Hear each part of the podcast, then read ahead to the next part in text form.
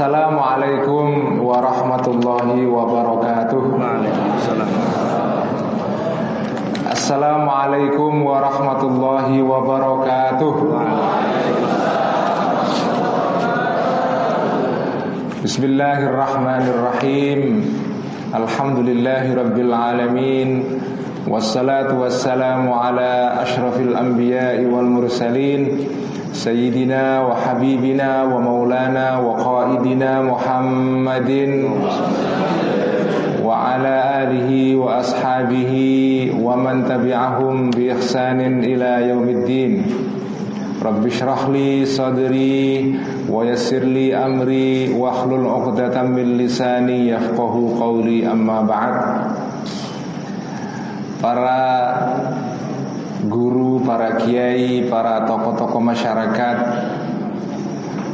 Malam ini kita tidak sedang sidang paripurna Tetapi kita sedang ngaji Dan ngaji ikhya pada malam hari ini berlangsung dengan sangat istimewa karena diadakan di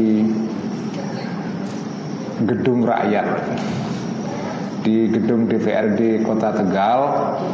Terima kasih kepada Gus Lutfi dan ini tokoh NU kultural artinya NU yang tidak masuk di dalam kepengurusan belum belum masuk belum masuk, belum ya. masuk.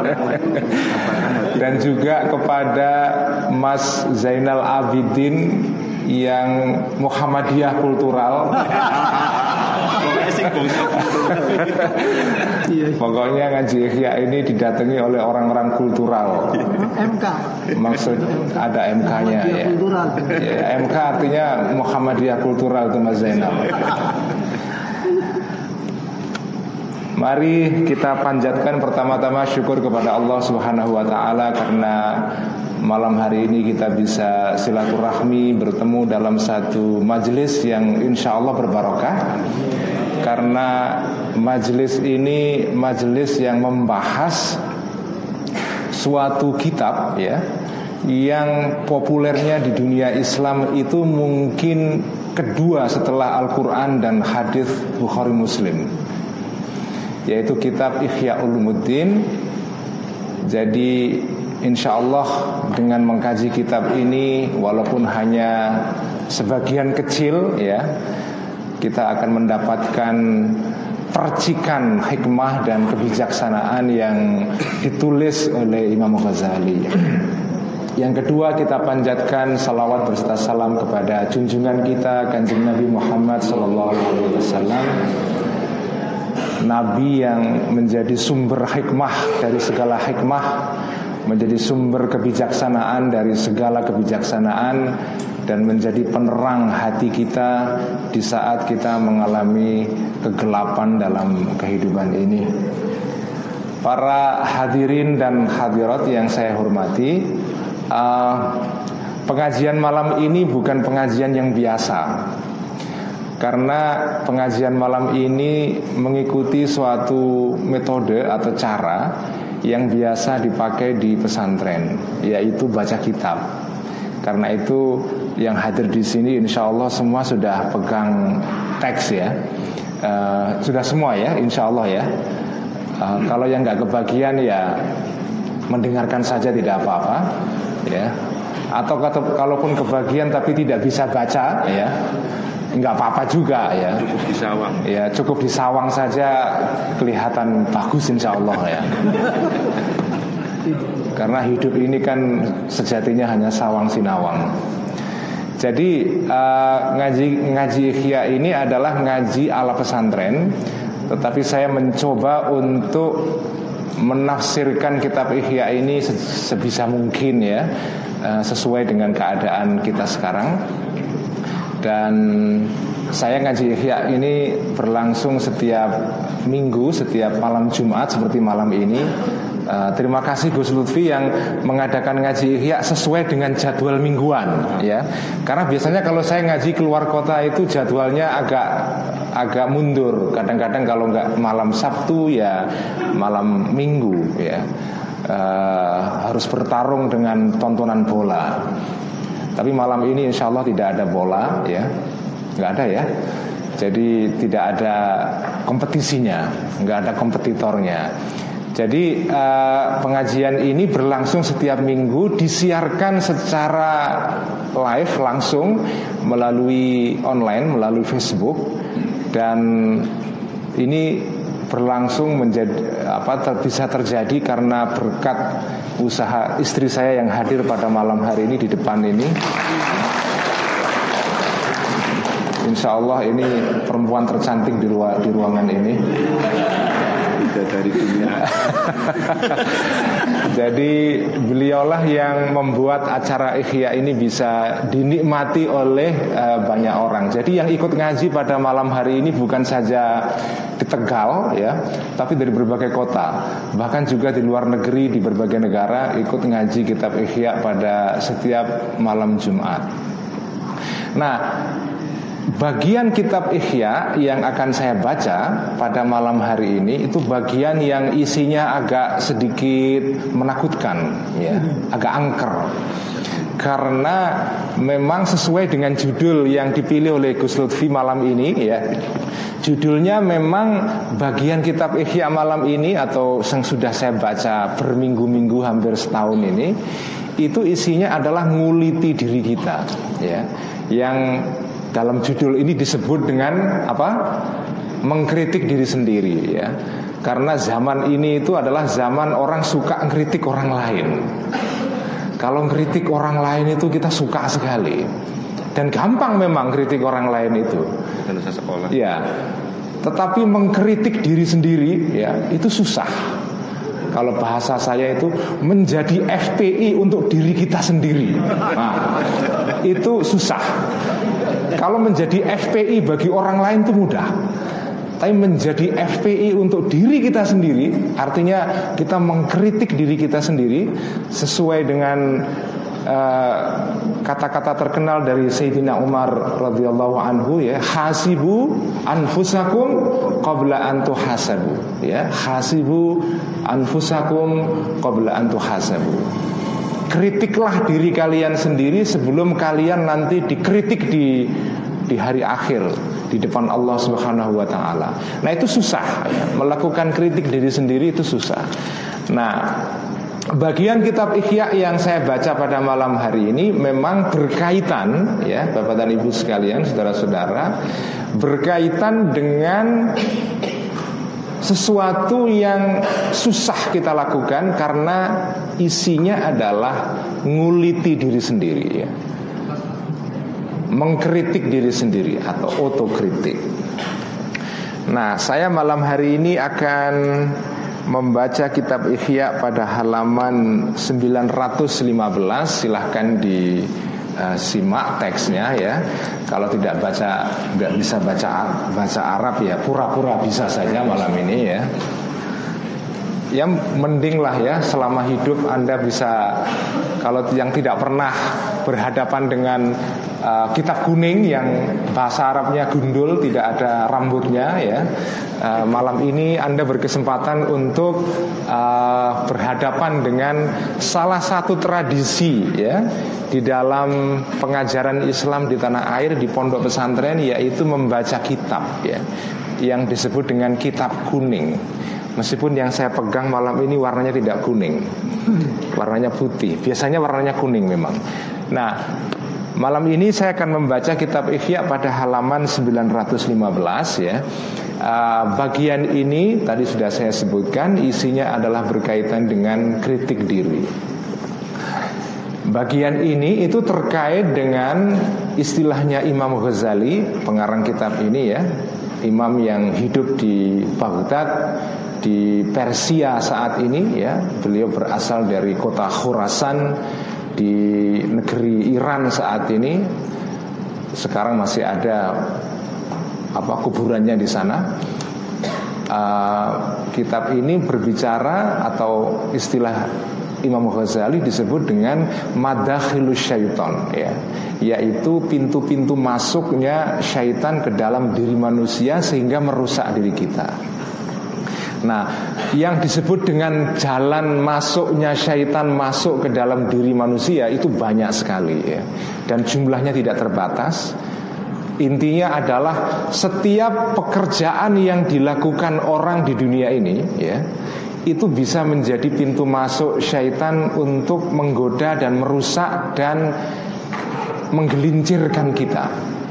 Walaupun tindakan itu tindakan yang dari segi cover atau sampul luarnya itu tindakan yang labelnya agama.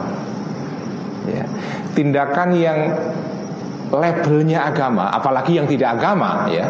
Tindakan yang labelnya agama itu pun itu bisa menjadi pintu masuk syaitan untuk menggoda manusia.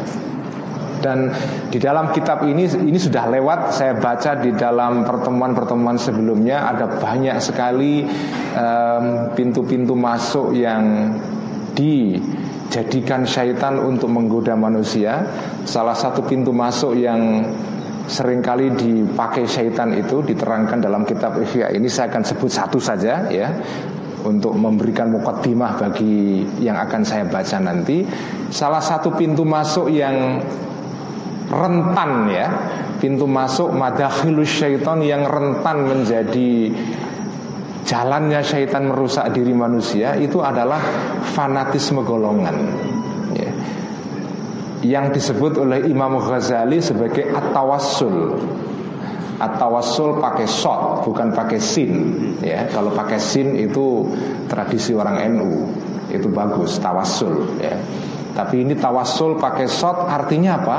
Artinya kita terlalu lengket dengan madhab, dengan golongan, dengan partai, dengan organisasi, dengan apa pun yang kita ikuti sampai melebihi batas itu bisa menjadi atau potensial menjadi pintu masuknya syaitan merusak manusia. Dan kata Imam Ghazali pintu masuk atau penyakit yang satu ini, penyakit yang disebut dengan at-tawassul tadi itu, itu penyakit yang biasanya yang mengidap itu itu bukan orang-orang biasa, tapi orang-orang alim. Hmm. Ya. Orang-orang yang berilmu, orang-orang yang ibadah. Jadi kata Imam Ghazali penyakit-penyakit yang bisa menjadi pintu masuk syaitan untuk merusak manusia itu tidak saja hanya relevan atau hanya orang awam saja, tetapi juga il, uh, ada penyakit-penyakit yang memang itu adanya umumnya itu adalah pada orang-orang yang berilmu. Orang-orang yang berilmu yang tidak sadar ke, dengan posisinya, dengan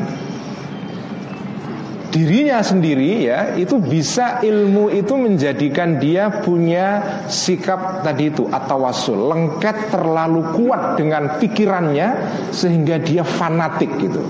Nah ini juga bisa menjadi penyakit yang merusak manusia, yang destruktif ya terhadap rohani atau jeruan manusia itu. Nah kata Imam Ghazali cara manusia melindungi diri kita dari penyakit-penyakit hati ini itu ada dua ya. Ada dua. Yang pertama adalah ini syarat pokok ya. Karena madakhilus syaiton itu artinya adalah jalan masuk ya. Maka cara pertama untuk menangkal ini semua adalah ya menutup jalan-jalan itu sehingga syaitan tidak bisa menggoda kita masuk ke dalam diri kita. Yang kata kanjeng Nabi syaitan itu sebetulnya bukan di luar kita. Syaitan itu seperti program komputer yang diinstal di dalam diri kita. Jadi syaitan itu semacam kayak aplikasi. Ya kalau zaman sekarang itu itu kayak aplikasi itu diinstal dalam diri kita. Kalau kita ini kayak handphone gitu ya. Setan itu bukan di luar. Setan itu seperti aplikasi yang diinstal dalam diri kita. Yang katakan jeng Nabi likulli insanin syaitanuhu. Manusia itu semua tanpa pandang bulu itu punya aplikasi jahat dalam dirinya sendiri. Semua manusia itu, baik yang kelasnya tinggi maupun rendah. Baik itu kepala negara maupun rakyat, baik kiai maupun umat. Jangan dikira kalau sudah kiai itu tidak punya aplikasi jahat dalam dirinya, ada. Ya.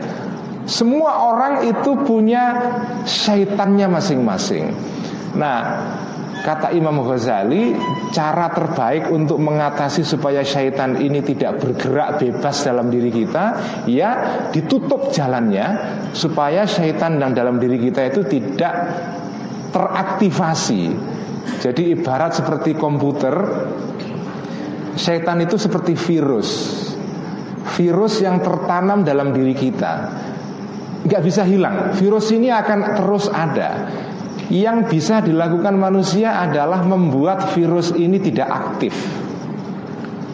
Jadi dibuat tidak aktif yang kata Al Ghazali bedanya setannya orang Islam dengan orang kafir ya atau orang yang tidak beriman ya adalah kalau orang beriman setannya itu kurus sekali kurus sekali kurus kerempeng seperti orang yang tidak pernah diberi makanan itu ciri khas syaitan atau virus yang ada pada diri seorang mukmin yang beriman.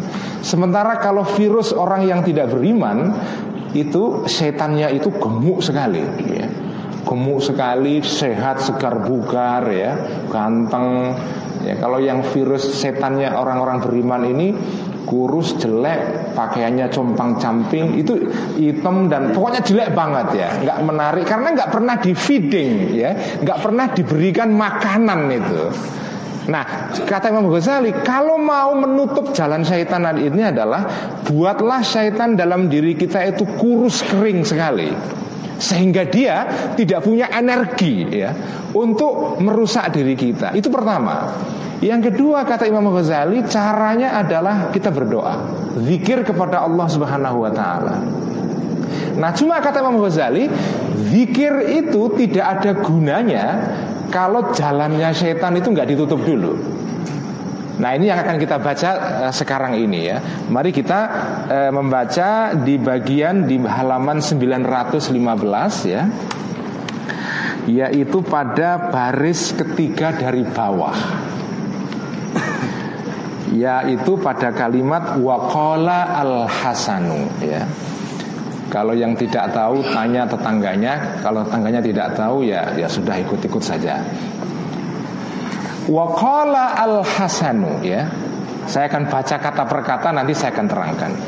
Waqala dan berkata. Bismillahirrahmanirrahim. Waqala dan berkata. Al-Hasanu Imam Hasan Al-Basri Ini salah satu tabi'in ya Ulama besar pada era tabi'in Al-Hasan Al-Basri Seorang tokoh yang terkenal dalam dunia sufi ya Beliau ini ibunya ya itu adalah uh, ngenger atau menjadi pembantu dari istri kanjeng Nabi yaitu Ummu Salamah. Suatu suatu hari ibunya pergi disuruh beli belanja oleh Ummu Salamah ini istrinya kanjeng Nabi. Kemudian Hasan Al Basri yang masih kecil itu nangis. Kemudian disusui oleh Ummu Salamah, ya, disusui oleh istrinya kanjeng Nabi ini uh, meskipun beliau lahir setelah kanjeng Nabi wafat ya, jadi sudah nggak menangi kanjeng Nabi.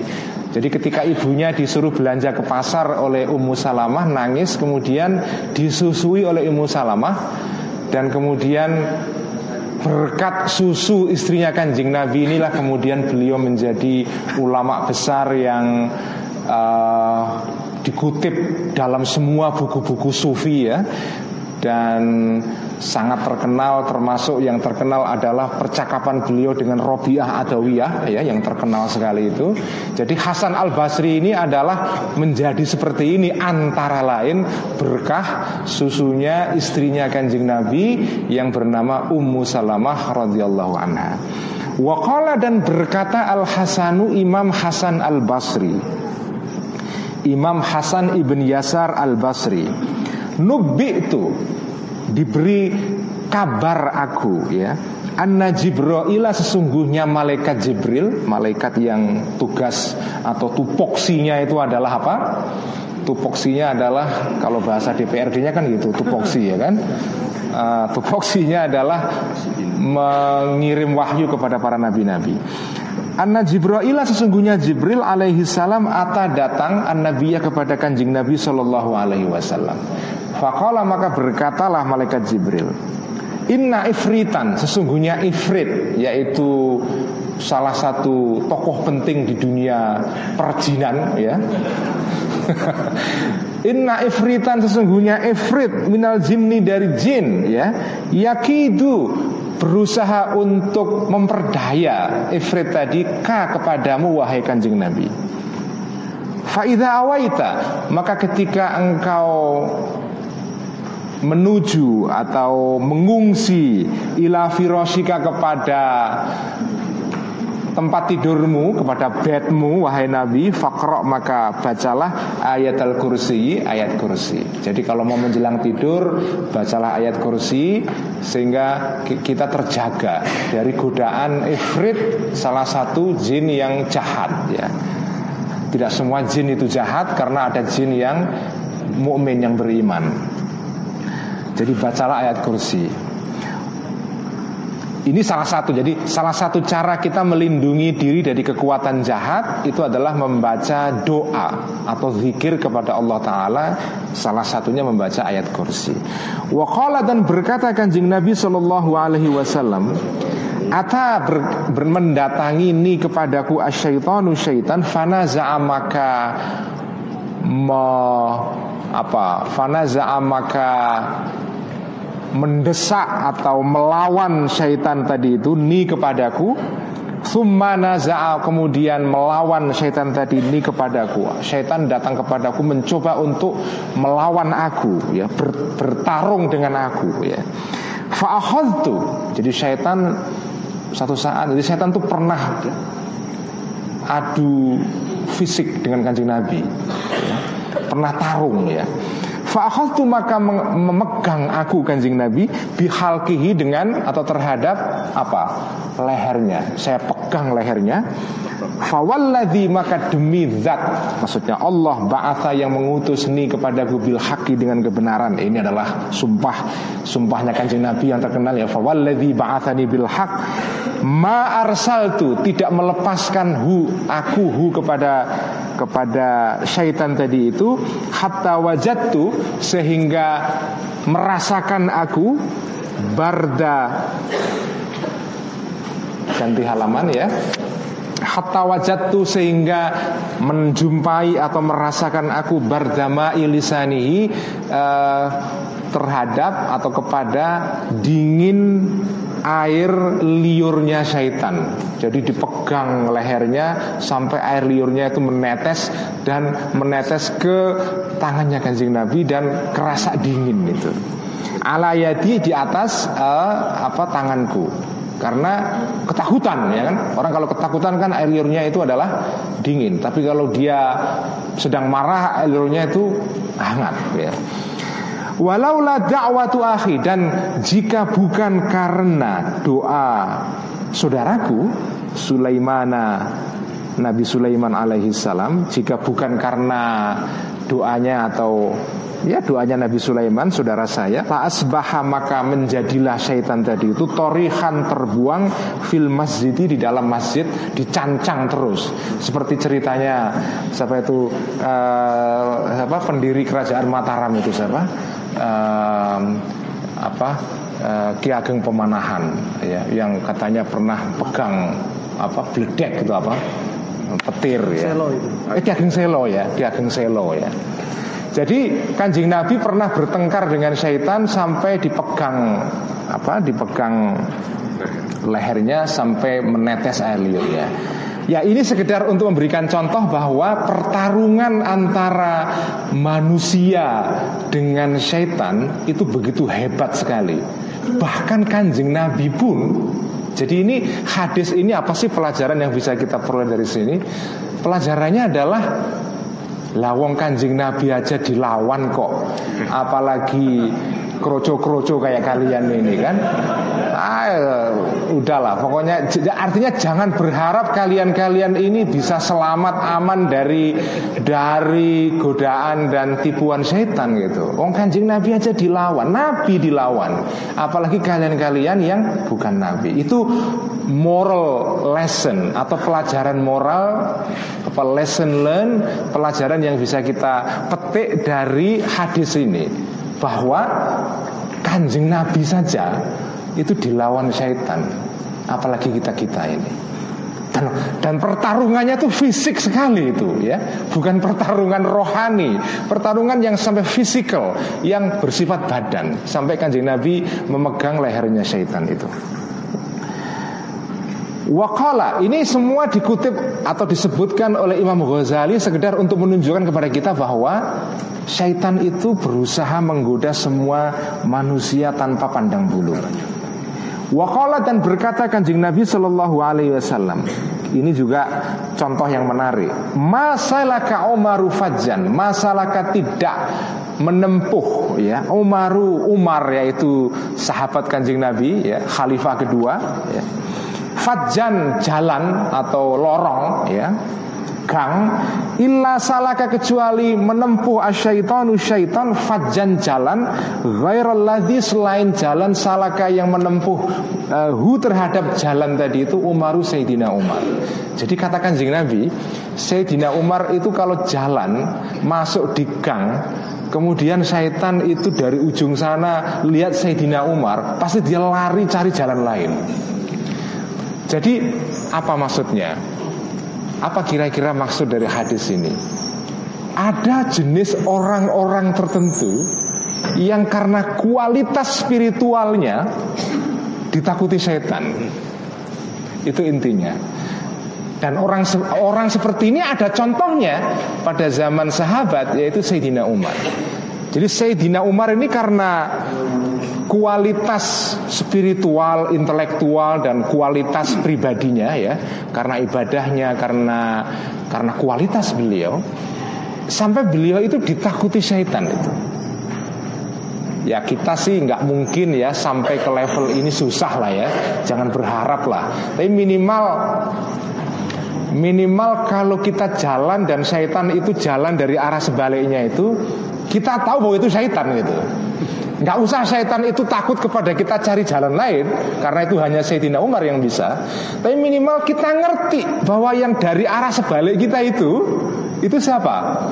Syaitan Itu musuh kita gitu Yang problem adalah kalau kita jalan Di sebuah lorong Ada orang dari dari arah sebaliknya jalan Kita anggap itu kawan kita. Padahal musuh pada dasarnya. Nah ini yang bahaya. Jadi minimal kalau kita tidak sampai ke level ini Yang disebutkan jeng Nabi ini Ya minimal kita ngerti lah This is our enemy. Ini musuh kita ini. Jadi kita jangan sampai Ngajak dolanan bareng itu Karena musuh kan Waspada itu intinya. Jadi kalau kita nggak bisa sampai di sini ya minimal kita tahu gitu. Makanya belajar kitab Ihya ini ya kalau buat orang kita kita yang awam ini kayak saya kayak yang di sini ini ya minimal kita ini ngerti penyakit-penyakit yang akan bisa merusak diri kita. Kalau kita berharap sampai jadi seperti Sayyidina Umar ya susah ya kita nggak usah terlalu jauh-jauh uh, goalnya nggak usah sampai ke sana. Goalnya minimal kita ngerti bahwa ada syaitan yang akan merusak akan mendatangi semua orang itu. Wahada Saya akan teruskan. Wahada dan ini Kenapa ada orang seperti Umar seperti ini? Atau seperti kanjeng Nabi yang bisa menaklukkan syaitan dan seterusnya itu? Wahada semua ini Li'annal kuluba karena sesungguhnya kalbu ya saya sering mengatakan kalbu itu dalam istilah Imam Ghazali itu artinya bukan hati saja. Kalbu itu ya pikiran ya hati, dua-duanya. Jadi yang disebut dengan kalbu dalam kitab Ihya itu bukan di sini saja, tetapi juga di sini. Jadi kalbu itu adalah kombinasi antara otak dan hati. Li'annal kuluba karena sesungguhnya kalbu. Karena itu saya nggak menerjemahkan sebagai hati ya. Saya terjemahkan dengan kalbu saja. Kanat ya ada mutoharotan disucikan ya Dibersihkan Anmar asyaitoni dari tempat apa mar asyaitoni tempat uh, apa kambing itu kalau kalau ada di padang rumput namanya apa ya? Ber, merumput. Tempat tempat merumputnya syaitan. Hunian. Tempat hunian atau tempat penggembalaan ya. Tempat penggembalaan syaitan. Wakuwatihi dan kekuatan syaitan. Apa itu tempat gembalaan syaitan itu? Padang rumput tempat syaitan makan itu apa? Wahia dan kekuatan syaitan itu adalah asyahawatu adalah syahwat. Jadi Kenapa orang ada orang yang sampai kepada level seperti Sayyidina Umar ini? Karena orang-orang semacam ini itu berhasil ya membersihkan dirinya dari sifat-sifat yang bisa menjadi bahan makanan bagi syaitan untuk tumbuh dalam diri kita. Jadi syaitan itu kenapa tadi disebutkan Al Ghazali ada syaitan yang kurus, ada yang gemuk. Karena kalau yang gemuk itu dia diberi makan terus. Nah, makanan syaitan itu apa? Yaitu syahwat. Kesenangan-kesenangan manusia. Ya, asyahwat. Dan yang disebut dengan kesenangan itu memang ya kadang-kadang kesenangan itu bukan haram. Ya. Yang disebut dengan syahwat itu tidak tidak haram loh. Ini beda dengan kalau haram jelas syahwat itu adalah kesukaan dan kesenangan yang secara hukum fikihnya itu halal. Suka HP model terakhir, ya. Suka apa itu rumah bagus, suka mobil yang keren, suka baju yang keren, suka belanja di online, ya kan? Sekarang kan eranya apa belanja online ya Lazada. Nah, atau apa pun lah kesukaan yang halal. Kan belanja kan nggak nggak haram. Halal semua. Tetapi hal-hal yang halal ini itu bisa menjadi jalan masuknya syaitan untuk merusak manusia. Itu namanya syahwat ya. Cara belanja yang cewek yang Uh, iya, kalau bicara belanja yang cewek-cewek agak sedikit uh, tersinggung mungkin. Emangnya yang cowok tidak belanja juga itu. Bapak-bapak sekarang itu juga suka belanja loh. Cuma belanjanya lain. Fahma famah matomiata ya, maka kapan pun maka kapan pun engkau maka maka ketika ya kapan pun engkau menginginkan fi ayyan dafia jika kau ingin fi ayyan dafia untuk menolak asyaitonu syaitan angka dari dirimu bimujarrati zikri hanya dengan berzikir kepada Allah saja kalau engkau berangan-angan untuk bisa melawan syaitan hanya dengan zikir Allah saja. Kaman dafa'a seperti uh, tertolaknya syaitan tadi itu an Umar dari Sayyidina Umar seperti syaitan lari ketakutan dari Sayyidina Umar radhiyallahu anhu karena maka ada apa keinginan atau mimpi kamu seperti itu muhalan muhal jadi kalau sekedar hanya zikir kepada Allah kamu bisa mengusir setan ya. Seperti dalam film-film itu membaca Allah langsung setan takut Nggak terjadi itu Bahwa itu hanya di film saja itu Nggak akan ada itu Atau kalau dalam film-film di barat Bawa salib itu kan Langsung, setan terbirit-birit. Itu nggak mungkin terjadi Kenapa? Karena zikir itu nggak cukup ya. Umar bisa begitu itu bukan karena zikir saja. Kanjeng Nabi bisa begitu itu bukan hanya zikir saja. Zikir itu bisa efektif ya.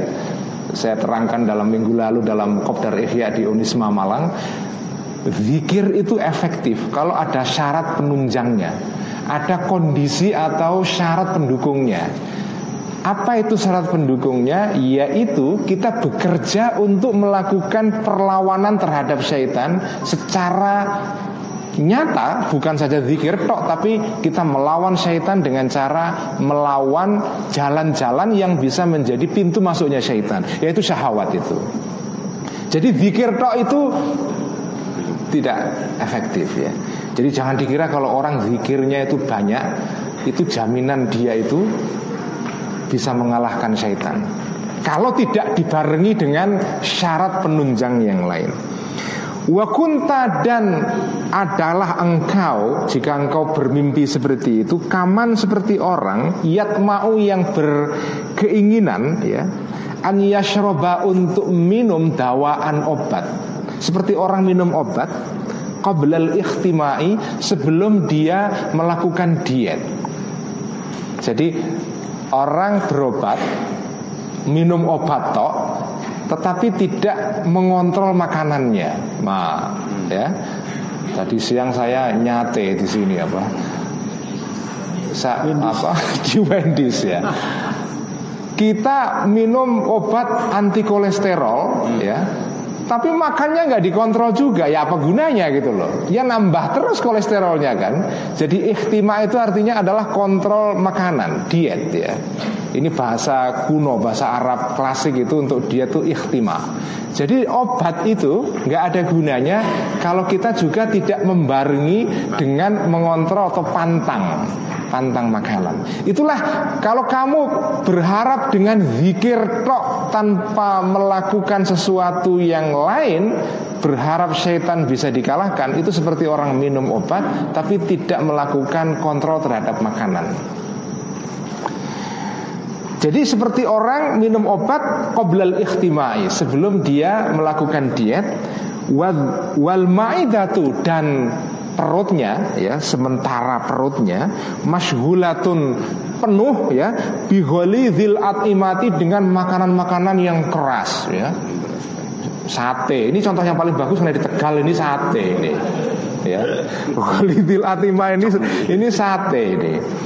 Kalau Ghazali di Tegal gitu contohnya pasti sate ini. Ya. Ya ini orang minum obat tapi nggak kontrol makanan. Bukan berarti bukan berarti makan sate nggak boleh ya. Ya boleh cuma kontrol saja tahu diri tahu batasnya kalau orang Jawa bilang ngono ya ngono. Neng aja ngono. Itu filosofi penting loh ya. Ngono ya aja ngono ngono ya ngono neng aja ngono. Itu ikhya sebetulnya itu. Semono ya semono nih Wa wayatma'u dan dia berkeinginan ber apa bermimpi an yanfa'a untuk ber, membawa manfaat obat tadi tuhu kepada orang itu ya. Kama nafa'a seperti mem mem membawa manfaat dawa atau obat tadi itu alladzi kepada orang syariba yang minum orang tadi itu hu kepada uh, obat tadi itu ba'dal ikhtimai setelah dia kontrol makanan setelah dia diet wa tahliyatil maidati dan mengosongkan apa? Perutnya ya jadi orang yang minum obat tidak melakukan kontrol makanan Jangan berharap obatnya bermanfaat Seperti manfaat yang men, apa, Seperti manfaat yang dimiliki Atau yang dinikmati oleh orang yang minum obat yang sama Tapi dia melakukan kontrol terhadap makanan Al-ikhtima ya. Jadi ini istilah yang mungkin apa penting untuk kita ingat ini. Karena ini istilah bahasa Arab dari kitab Ihya itu. Untuk kata diet ya. Al ikhtima ya wadzikru nah. Jadi Al Ghazali itu kerennya dalam kitab Ihya itu teman-teman semua Kitab Ihya itu menarik. Kenapa kitab Ihya ini menarik untuk semua orang Dan populer di seluruh dunia Islam? Karena kitab Ihya ini gaya menulisnya Itu memang khas yaitu Al Ghazali itu sering kali menggunakan kiasan-kiasan ya kiasan-kiasan yang membantu kita untuk memahami uh, hal-hal uh, yang susah dipahami kalau tidak dibantu dengan kiasan-kiasan itu. Nah ini contohnya kiasannya. Wadzikru zikir kepada Allah ad-dawa'u itu seperti obat. Wat takwa dan takwa ikhtimaun itu seperti diet. Yeah. Nah, ini buat para kalau di sini ada yang suka khutbah Jumat kan, kan suka sekali itakullah nah, itu ini ini bisa jadi modal khutbah Jumat ini. Ya. Jadi takwa itu kata Al Ghazali itu seperti orang diet. Zikir kepada Allah itu obat. Nah dua hal ini harus kerja bareng Harus berdampingan. Kalau zikir Allah tok tidak disertai dengan diet Yaitu takwa Ya apa gunanya juga? Zikir tidak tidak berguna. Itu seperti orang minum obat Tapi tidak ada syarat penunjangnya Yaitu ikhtima atau diet. Jadi takwa itu adalah ikhtima. Dari kata hama artinya menjaga Jadi ikhtima artinya menjaga diri Dari penyakit-penyakit yang bisa merusak kita ya. Nah, apa itu uh, diet itu wahia takwa tadi itu tahallil kalbi ya, tahallil kalbi kosongnya kalbu manusia, tahallil kalbi kosongnya hati manusia, anis syahwati dari syahwat. Jadi yang disebut dengan ikhtima takwa itu adalah mengosongkan diri kita dari keinginan-keinginan. Itulah sejatinya takwa. Ya kalau makna yang sering kita baca di pesantren itu yang disebut dengan takwa itu adalah menjalankan perintah Allah dan menghindari larangan. Ya, jadi uh, apa itu uh, al imtithalu li awamirillah wal ibtiadu an nawahillah. Itulah takwa. Tapi Al Ghazali punya makna takwa yang jauh lebih mendalam makna takwa yang spiritual yaitu apa Takwa itu adalah ikhtima. Takwa itu diet. Cuma ini bukan diet makanan Tapi diet hati. Diet rohani. Apa itu diet rohani? Diet rohani adalah Apa? Mengosongkan diri kita Dari keinginan Dari desire Dari syahwat. Dan keinginan itu tidak haram loh. Jangan lupa itu jadi keinginan itu kadang-kadang atau sering kali bukan sesuatu yang haram, tetapi halal semua. Ya, menyukai harta benda ini ya itu halal semua. Ya al malu wal banunu zinatul hayatid dunya. Ya. Um, zujina lin nasi hubbus syahawati minan nisa'i wal banina wal qanatiril muqantarati minal khayli wal musawwamati wal wal an'am ya. Jadi memang manusia itu pada dasarnya diberikan oleh Allah semacam kecenderungan alamiah memang. Diberikan sesuatu tendensi atau sifat watak yang natural yaitu apa? Senang sesuatu. Yang dalam agama Buddha, dalam agama Hinduisme itu atau Buddhisme kesenangan itu itu adalah sumber dari segala kesengsaraan. Hmm.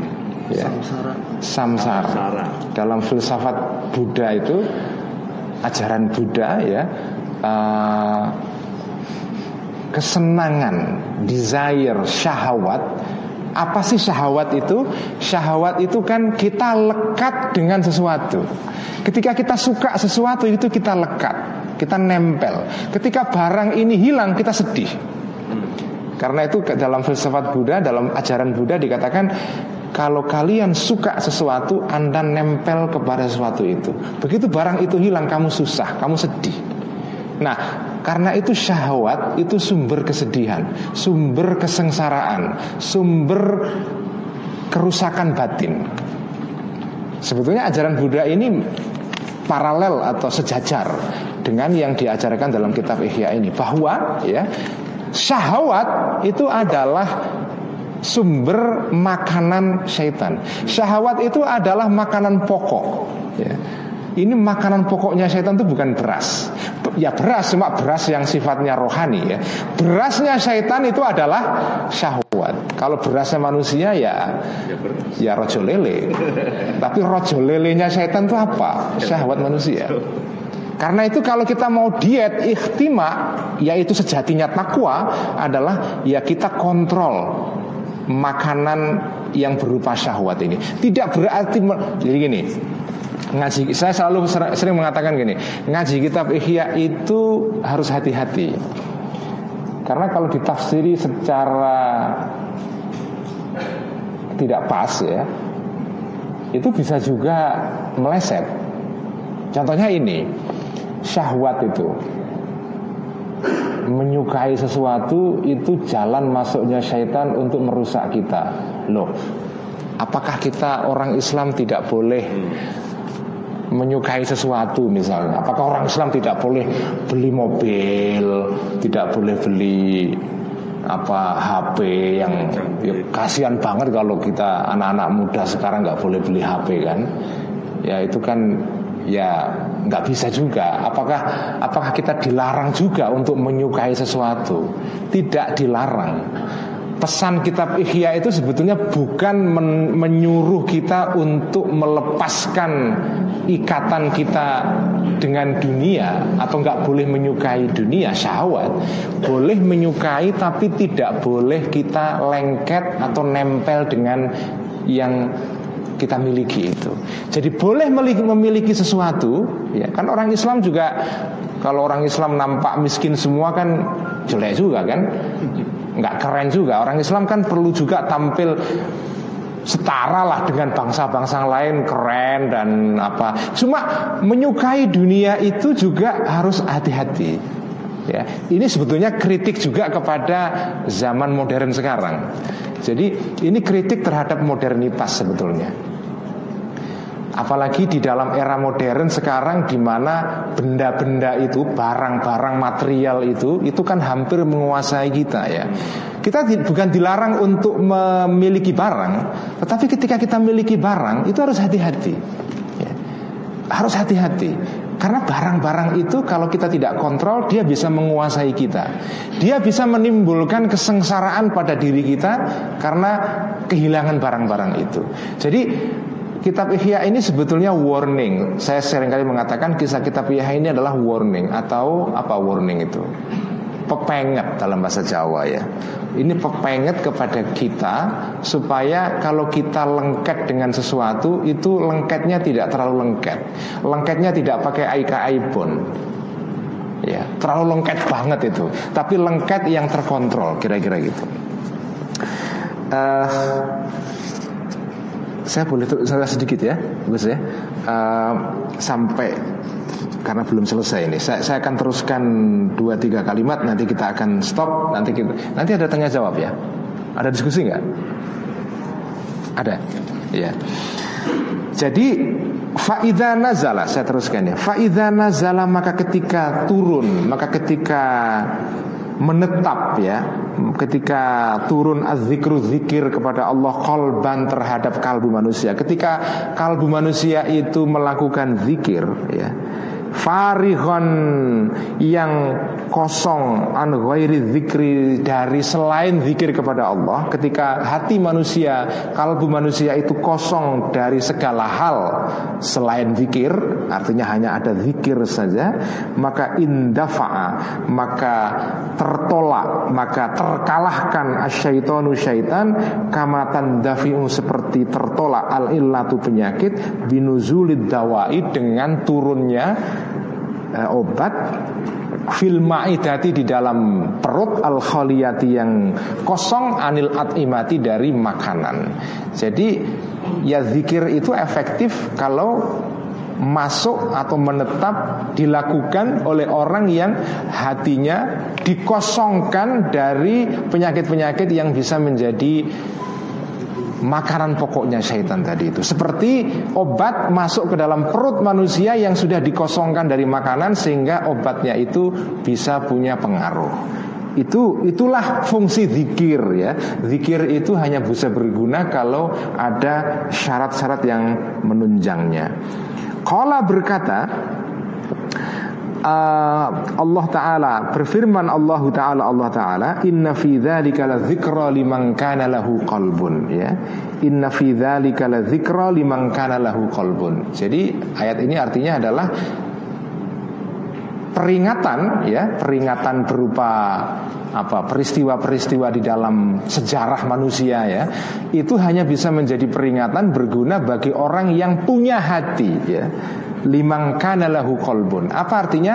Kalbu yang memang sudah disiapkan untuk bisa mempelajari sesuatu. Bukan kalbu yang dipenuhi dengan penyakit-penyakit yang bisa merusak kalbu itu. Wa dan berkata Allah Ta'ala Kutiba alaihi annahu man tawallahu fa annahu yudilluhu wa yahdihi ila adzabis sa'ir. Kutiba alaihi Kutiba ditetapkan alaihi atas manusia annahu sesungguhnya keadaan berikut ini ya kalau dalam bahasa pesantren namanya sya'an ya kelakuan man sesungguhnya barang siapa tawalla yang menguasai syaitanhu kepada orang tadi itu fa'annahu maka sesungguhnya orang tadi itu yudhillu bakal menyesatkan syaitanhu kepada orang tadi itu wa yahdi dan menunjukkan syaitan tadi hi kepada orang tadi itu ila adzabis sa'iri kepada siksa neraka sa'ir ya. Jadi um, begitu orang dikuasai syaitan maka itu jalan setapak menuju kepada kesengsaraan kepada azab ya tapi syaratnya ya orang itu dikuasai syaitan. Kalau orang tidak bisa dikuasai syaitan, maka dia tidak bisa disetir oleh syaitan itu. Waman dan barang siapa saatnya yang membantu asyaitan syaitan bi'amalihi dengan amal dia. Kalau orang membantu syaitan dengan pekerjaan dia ya Maka fahuwa orang tadi itu mualihi adalah temannya syaitan tadi itu ya adalah sekutunya syaitan, adalah aliansinya syaitan. Itu mualihi ya. Wa in zakaro, walaupun orang itu mengingat Allah kepada Allah bilisanihi dengan lisannya. Orang kalau bertindak yang tindakannya membantu syaitan itu yang menjadi sekutu dan aliansinya syaitan walaupun mulutnya berzikir berbusa-bisa kepada Allah nggak ada gunanya zikir itu dengan kata lain, zikir, doa, semua itu berguna kalau ada syarat penunjangnya. Kemarin Gusmus itu nulis uh, status di Facebook. Ini Gusmus ini kiai yang suka Facebookan memang. Ya. Ada juga kiai yang nggak suka Facebookan ya. Nah, Gusmus nulis di Facebook kemarin, mungkin seminggu yang lalu menarik sekali. Beliau nulis begini doa eh doa itu adalah pelumas pekerjaanmu atau amalmu. Jadi doa itu pelumas amal manusia. Lalu saya komentari, ya kalau kita nggak punya amal, nggak punya usaha, apa yang mau dilumasi, ya kan? Artinya doa itu bisa bekerja efektif kalau ada syarat lain, yaitu ada usaha ada amal. Kalau nggak ada amal, ya doa apa gunanya? Wong dia seperti pelumas oli. Oli itu kan oli berguna kalau ada yang dioli, ya kan? Mesinnya. Ada mesinnya. Kalau nggak ada mesin yang dioli, ya mes, ya oli itu hanya apa itu terpampang di raknya apa itu toko servis mobil itu nggak ada gunanya. Oli berguna kalau ada mobilnya. Doa berguna kalau ada amalnya. Zikir berguna kata Al Ghazali sini kalau ada usaha. Jadi zikir tok berbusa-busa tidak ada gunanya ya. Wa in kunta, saya akan teruskan sedikit. Wa in kunta dan jika ada engkau, takulu mengatakan engkau jika engkau mengatakan untuk mendebat Al-Ghazali dengan mengatakan begini, Al-hadithu qad warada mutlaqan. Al-hadithu hadis tentang syaitan meng, syaitan itu bisa di dilawan dengan doa dan seterusnya. Waroda kot waroda datang mutlakan secara mutlak. Kan hadisnya mengatakan kalau kita membaca ayat kursi syaitan lari. Kalau kita baca muawidzaten apa itu setan lari. Kan hadis mengatakan begitu. Kenapa kok kau al ghazali mengatakan membaca Quran, membaca zikir Allah itu nggak ada gunanya. Kalau nggak ada tadi itu usaha sampingan. Kamu kan melawan hadis kalau begitu, ya kan? Apakah kamu Al-Ghazali tidak melawan hadis ini karena hadisnya mengatakan membaca ayat kursi mengusir ifrit. Kan Nabi mengatakan begitu, kok kau mengatakan yang lain? Nah ini kan sekarang zamannya orang-orang suka merujuk hadis itu kan. Wah hadisnya begini kok. Oh, dalilnya mana? Ada hadis, hadisnya soheh atau enggak? Seolah-olah dia menguasai hadis tanya soheh segala itu kan. Kan zaman sekarang begitu. Nah orang sering kali nah ini Al Ghazali juga membayangkan mungkin dia juga membayangkan ada orang-orang yang sok hadis-hadis itu ya. Uh, ya kan ada orang yang sok hadis-hadis itu. Hadisnya mengatakan membaca ayat kursi bisa menolak ifrit kok. Masa kamu mengatakan tidak bisa menolak kalau kamu tidak berusaha untuk mengusir syahwat dan segala macam itu. Artinya ini adalah semacam apa protes terhadap keterangannya Al Ghazali ya. Nah kalau kau mengatakan begitu ya eh, Qad waroda datang mutlakan secara mutlak di anna zikra sesungguhnya zikir kepada Allah ya terudu bisa mengusir asyaitona kepada syaitan. Itu hadisnya mengatakan begitu. Walam tafham dan tidak paham engkau wahai orang yang sok-sok hadis tadi itu ya. Anna aktsara umumatis syar'i. Ini penting sekali. Ya, penting sekali ini. Ini yang tadi di tweet di Facebook saya katakan ini ada kejutan dalam kitab Ihya itu. Walam tafham dan tidak paham engkau anna umumati syar'i sesungguhnya anna aktsara umumati syar'i sesungguhnya sebagian besar keumuman-keumuman dalam syarak dalam agama, maksudnya dalil-dalil yang bersifat umum, yang bersifat general ya Engkau tidak paham bahwa dalil-dalil yang umum itu maksusotun diberikan kekhususan, dispesifikasi, disyurutin dengan syarat-syarat ya. Nakola yang menceritakan, yang menukilkan, yang mengajarkan ha kepada syurut tadi itu ulama udini, ulama-ulama agama.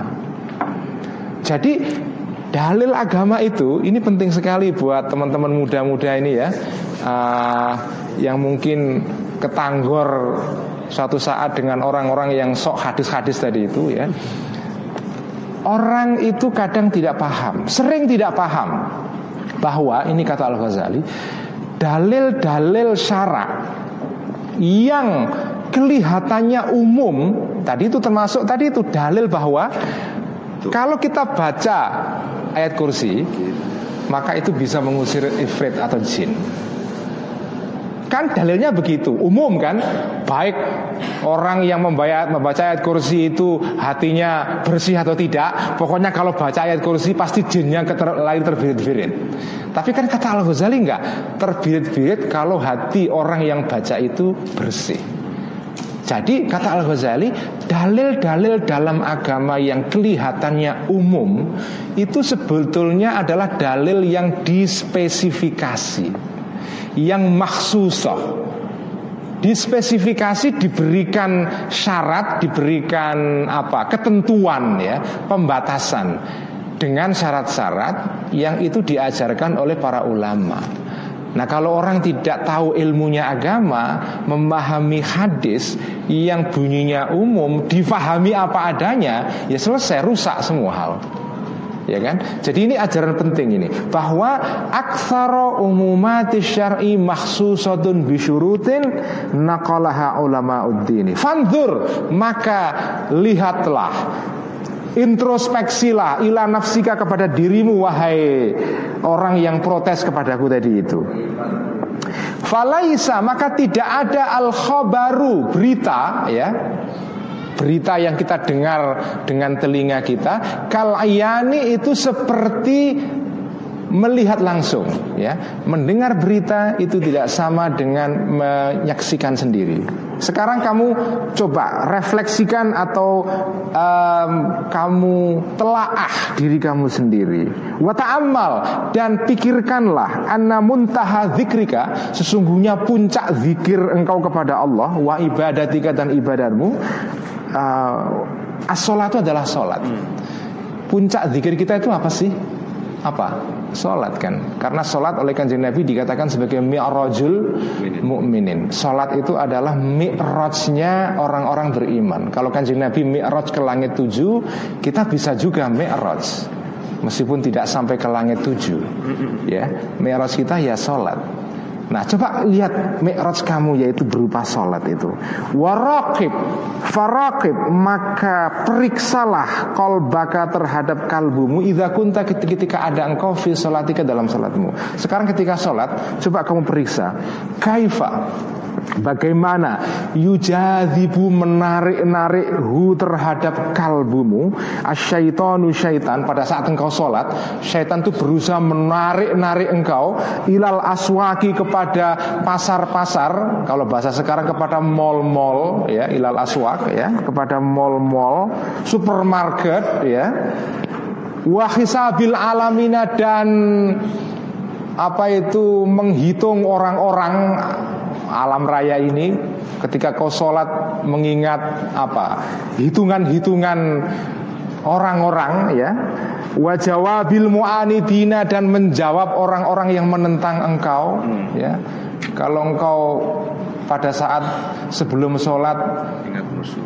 tweet war apa tahu kan tweet war ya perang di Twitter debat di Facebook poro padu di WhatsApp Sholat cari jawaban. Wah, pada saat sholat itu ini masuk ke semua itu permusuhan-permusuhan gara-gara pilkada, ya. masuk semua dalam pikiran sholat itu. Loh, kalau sholat itu coba itu ini ini Al Ghazali ini menarik sekali. Kenapa kok beliau mengatakan wajah bil mu'anidin itu? Pada saat engkau sholat, pikiranmu coba kamu kamu teliti itu.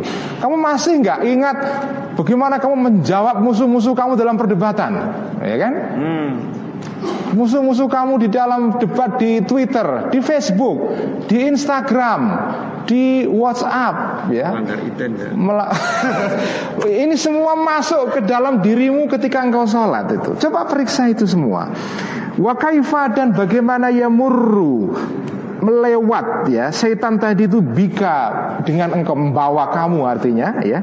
Fi audiyatid dunia di dalam eh, di dalam apa audiyah itu wadin itu apa jurang-jurang dunia ya audien. Ya, au- au- ini bukan audiens ya, tapi ini audiah ini zamannya kata wadin artinya jurang.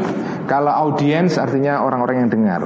Fi audiyati dunia di dalam jurang-jurang dunia wa mahalikiha dan kerusakan-kerusakan dunia hatta innaka sehingga sesungguhnya engkau la tadhkuru tidak mengingat engkau ma sesuatu qad nasita yang telah melupakan engkau hu terhadap uh, ma tadi itu min fudulid dunia dari kemewahan-kemewahan dunia ya kamu itu sudah lupa hal-hal dunia ini tapi begitu kamu sholat illa fi sholatia kayak kecuali dalam sholat kamu. Begitu sholat itu tiba-tiba seluruh memori album itu datang semua ya. Nggak tahu itu. Coba ngalami nggak sih kita ini jujur aja lah. Jujur aja. Tiap begitu sholat. itu justru sholat itu malah kayak buka album itu. Pada saat nggak sholat itu kita nggak ingat apa-apa itu nggak ingat nggak ingat belanja di pasar nggak ingat perseteruan di WhatsApp. Kayak ya lupa. Begitu sholat kok muncul semua? Nah, nanti kalau selesai status apa lah. Nah, begitu sholat mikir nanti kalau sudah selesai status Facebooknya apa gitu kan. Jadi sholat ini seperti kotak Pandora. Ini, ini kata Al Ghazali. Coba kau lihat itu dirimu itu pada saat sholat. Sholat itu kurang apanya? Ini kan ini untuk memberikan tadi itu argumentasi bahwa zikir itu nggak ada gunanya. Puncak zikir itu apa sih? Sholat kan. Pada saat kamu sholat, sholat kamu justru membuka memori semua hal. Sholat justru menjadi kotak Pandora, ya kotak Pandora itu kotak yang terbuka pada saat sholat. Di luar sholat tertutup kotak ini. Begitu sholat kita terbuka semua itu. Sesuatu yang nggak kita ingat sama sekali, tiba-tiba sholat itu ingat semua. Ini mungkin kan sekarang kan eranya orang suka lupa kalau dalam sidang KPK itu kan apa ya? Sidang korupsi itu loh kan banyak orang lupa itu kan. Tidak sholat tuh. Jak sholat aja biar lu biar apa ingat itu korupsinya itu. Cuma kalau sholat kan nggak boleh beri pengakuan itu. Iya, sholat itu membuat orang ingat malah justru itu ya. Itu aneh itu. Pada saat kita nggak sholat tuh nggak ingat apa-apa loh. Ya otak kita itu dormant apa? Tidur, nggak aktif. Begitu sholat itu aktif semua itu. Kenapa itu? Saya juga heran. Saya juga jujur aja saya juga ngalami juga itu. Ngalami juga. Jangan-jangan Al Ghazali bisa mengatakan begini juga pernah ngalami juga. pernah ngalami juga. Karena, kan- karena, karena saya kan bilang gini, kitab Ihya itu sebetulnya sebagian itu merupakan autobiografinya Imam Ghazali. Pengalaman spiritual. pengalaman, tapi beliau berhasil melewati. Ya. Mak- makanya beliau pernah bilang begini, itu karena beliau pernah ngalami mungkin. Kenapa beliau mengatakan ini istilah wajawa bil mu'anidin itu menjawab orang-orang yang menentang kamu, musuh-musuh debat kamu. Karena Al Ghazali itu ceritanya, ya Bapak dan Ibu sekalian, waktu masih muda Al Ghazali itu anak muda yang suka debat. Biasalah anak muda kan suka debat kan. Kalau nggak suka debat ya kurang asik juga jadi anak muda ya Gus ya. Iya siap. Haruslah. Nah, Al Ghazali itu waktu muda itu suka debat. Gurunya sendiri Al Ghazali itu gurunya namanya Imam Haromain. Ini imam besar dalam madhab Syafi'i, ya. Uh, bukunya dalam kitab fikih itu menjadi sumber dalam madhab Syafi'i, yaitu Nihayatul Madhab, Nihayatul Matlab fi Dirayatil Madhab, ya. Itu kitab fikih berapa puluh jilid itu, itu gurunya Al Ghazali. Imam Haromen itu juga jago debat. Kalau muridnya ahli debat itu tidak heran. Al Ghazali itu murid kesayangan yang paling dicintai oleh gurunya. Karena pinter sekali memang. Sehingga gurunya ini Imam Haromen itu berkomentar tentang Al Ghazali itu. Tentang Al Ghazali. Beliau mengatakan innahu bahrun muhdik. Ya. Innahu bahrun muhtik. Ghazali itu seperti lautan yang gelombangnya itu besar sekali. Jadi ini ini kayak lautan Hindia itu ya, lautan laut selatan itu loh ya, tempatnya Nyiro Kidul itu. Yang pakai. Jadi, jadi Imam Ghazali ini innahu bahrun mughtik itu kata gurunya Imam Haromen. Jago debat dia. Nah, ketika Imam Ghazali mengatakan begini, karena beliau mungkin waktu muda itu juga kalau sholat itu ingin wah ini nanti kalau saya mau debat ini gimana nanti jawabannya ini? Gimana cara ngalahkan musuh saya ini? Jadi sholatnya jadi nggak anteng itu. Nah Imam Ghazali itu pernah punya kisah menarik. Adiknya Imam Ghazali jenisnya Ahmad Al-Ghazali ya adiknya itu Itu adiknya tidak seterkenal kakaknya Karena adiknya tidak ngarang banyak buku Tapi adiknya ini sebagai sufi itu jauh lebih mukasyafah daripada kakaknya. Nah adiknya ini Imam Ghazali ini Ahmad Al-Ghazali suatu ketika Itu pernah sholat di belakang kakaknya. Lalu dia kemudian adiknya ini mufarokoh ya apa meninggalkan misah ya karena dianggap imamnya ini batal.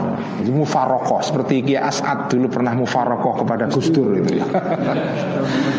883 dulu. Jadi adiknya mufarokoh. Setelah selesai sholat Imam Ghazali tanya kepada adiknya Eh kamu tadi ngapain kok sholat? Tiba-tiba kok meninggalkan saya? Apa kamu maksudnya itu? Marah kakaknya kan? Tersinggung Lalu kata adiknya Aku tadi pada saat kamu sholat Wahai kakakku Aku melihat badanmu itu berlumuran dengan darah itu. Badanmu berlumuran dengan darah. Kenapa itu? Al-Ghazali mikir kan. Ternyata Imam Ghazali itu pas lagi sholat tadi itu Dia nulis buku Lagi nyampe bab tentang head nah, Tentang apa? Tentang head, tentang menstruasi. Ya Jadi begitu sholat itu pikirannya Al-Ghazali masih tentang head terus itu Tentang menstruasi ya, tentang darah itu. Sampai ketika salat adiknya melihat Beliau ini sholat badannya itu berlumuran dengan darah itu. Nah, jadi Al-Ghazali pernah ngalami juga. Jadi salat pada saat hati kita, kalbu kita Itu tidak terkondisikan untuk salat. Dengan kata lain Badan kita salat Tetapi hati kita tidak salat. Pikiran kita tidak salat. Rohani kita tidak salat. Jeruan kita tidak salat. Banyak orang itu salat kan sebetulnya salat badan saja. Salat KTP kan. Hmm. Salat untuk memenuhi syarat sebagai anggota umat Islam atau warga Nahdlatul Ulama gitu aja kan. ya, ya, sholat rubuh-rubuh gedang supaya kita diakui sebagai anggota Nahdlatul Ulama. Tapi sebetulnya ya apakah salat yang seperti itu batal secara fikih? Enggak. Enggak. Salatnya sah. Tetapi menurut ilmu tasawuf itu batal. Nanti akan diterangkan di sini oleh Ghazali ya. Jadi ini ini keterangan ini inilah situasinya orang salat tadi itu wala yazdahimu dan tidak apa itu mem, apa itu tidak mendesak asyaitonu syaitan ala qalbika terhadap kalbumu illa idza shallaita kecuali ketika engkau salat ya. Jadi fassalatu maka salat itu mihakul kulubi adalah eh, tempat untuk menguji kalbu. Salat itu ujian hati manusia. Fiha atau fabiha dengan salat tadi itu yadharu menjadi jelas mahasinuha kebaikan-kebaikan kalbu wa masawiha dan kejelekan-kejelekan kalbu. Jadi orang itu baik buruknya itu bisa dilihat pada saat sholat. Apakah pada saat sholat dia ingat HP atau ingat Allah? Kalau dia ingat HP, ingat status Facebook, ya itu berarti orang itu kualitasnya bermasalah itu. Jadi fasolatu ini poinnya yang ingin saya baca malam ini ya. Fasolatu maka salat latuk balu tidak bisa diterima secara tasawuf bukan secara fikih loh ya. Kita bicara di sini bukan secara fikih. Secara fikih kalau sholat kita wudhunya bagus, syarat-syarat semua salat kita penuhi rukunnya kita semua itu sah. Tetapi secara tasawuf kalau tidak memenuhi syarat hati kita seperti tadi itu, maka latuk balu tidak bisa diterima. Minal kulubi dari kalbu-kalbu al mashhunati yang dipenuhi ya bisa hawati dunia dengan kesenangan-kesenangan dunia. Salat seperti itu tidak diterima untuk ukurannya para wali-wali. Kalau ukurannya para kita kita ya oke okay lah nggak apa-apa ya diterima ya. Oke okay lah. Yang penting sholat. Iya, bergeto NU dan ya biar diakui secara sosial. Jadi sebagian kita ini kan sebetulnya sholat sosial gitu kan. Jujur aja lah. Iya kan? Kita ini sholat kan sholat sosial aja sebetulnya Jujur aja Ibadah kita ini ibadah sosial Dalam pengertian ibadah supaya diakui oleh masyarakat Kita ini orang Islam Karena kalau nggak beragama sekarang ini dianggap menista agama Iya kan? Ya supaya kita terbebas dari no, tuduhan-tuduhan semacam itu ya kita salat, kita ibadah. Tapi sebetulnya hati kita tidak salah juga. jadi jadi ini Al Ghazali ini melontarkan kritik yang keras. Salat kita selama ini adalah salat sosial. Ini bukan salat sosial dalam pengertian lain ya. Ini kalau salat sosial dalam pengertian anak-anak PMI itu lain. Ya, itu salat sosial itu membela orang-orang lemah, orang terpinggirkan. Itu lain lagi, itu bagus. Bukan maknanya bukan itu. Salat sosial di sini maknanya adalah salat yang kita lakukan sekedar supaya kita ini diakui sebagai orang Islam oleh publik.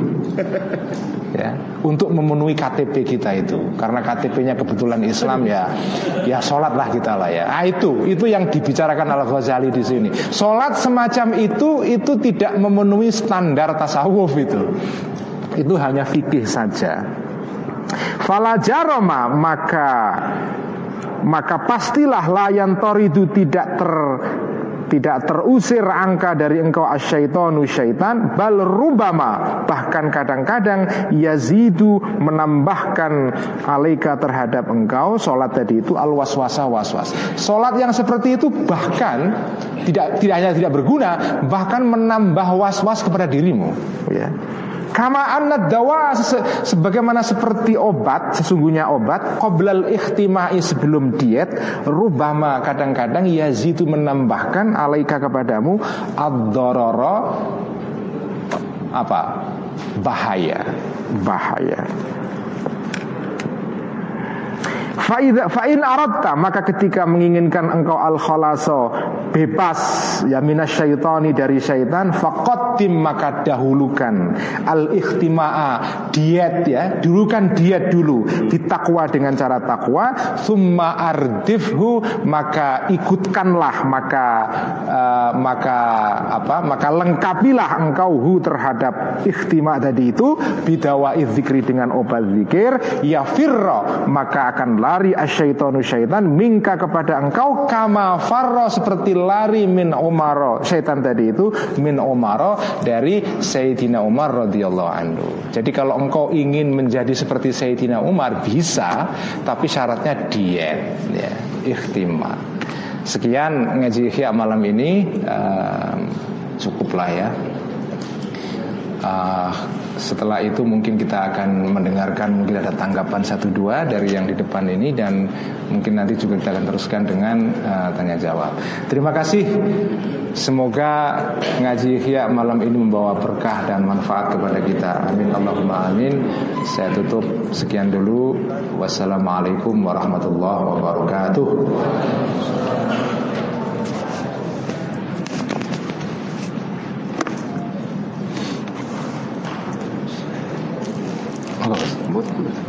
Baiklah saudara-saudara sekalian Monggo loh. Untuk disulit Mungkin ini kita masuki sesi tanya jawab Silakan kepada untuk sesi yang kedua adalah tanya jawab. Saya yang nulis Oh iya.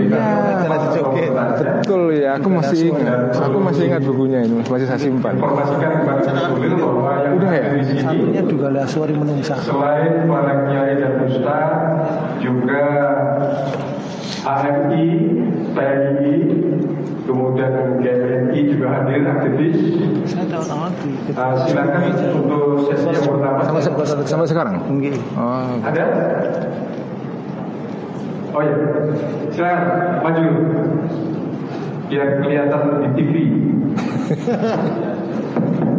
oh di situ, nggak kelihatan di TV mas? Sum, seribu sum, libido, Sahabat sih Gus. oh iya, iya. Sahwat itu ya, itu. Jadi madahul syaitan adalah tawasul pada musuh terhadap golongan. Sementara setiap partai dan Nahdlatul Ulama sendiri itu mendoktrin supaya kita fanatis. Salah satunya adalah setiap pendidikan yang di bawah naungan NU itu harus mempelajari keilmuan dan saya sendiri sebagai NU itu selalu doktrin kamu mati dan hidup harus NU ini termasuk jelas nama saya Muhammad Mundir dari Tegal. Terima kasih Sulit satu yang kedua jadi marah syaitan adalah asyahwat. Saya mohon panjenengan bisa menjelaskan mal farqu baina syahwat wal hawa wa nafsu. Tiga pokok ini penting ya boleh sebab banyak di antara kita termasuk saya tidak bisa membedakan mana yang syahwat, mana yang hawa, antara hawa dengan syahwat itu jelas berbeda dan mana nafsu yang amarah. Yang ketiga, di situ dikatakan bahwa kita hakikat pikir adalah al-ihtimam dan maksud saya adalah harus dipenuhi dulu, dibersihkan dulu sifat-sifat buat mudah. Yang saya maksud saya tanyakan dalam dunia tasawuf itu ada satu istilah dikir. Satu dikir sirri, dua dikir asrar, dikir khofi, dikir jadi dan sebagainya. Yang saya tanyakan dikir mana yang menurut jenengan yang dimaksud Imam Ghazali. Terima kasih. Wassalamualaikum warahmatullahi wabarakatuh. Waalaikumsalam. Uh, dua, satu lagi boleh. Monggo.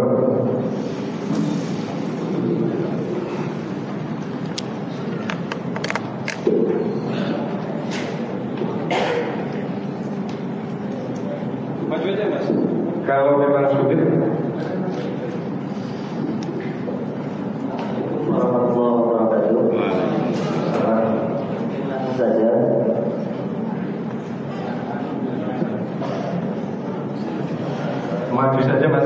Maju ke sini. Jadi jelas.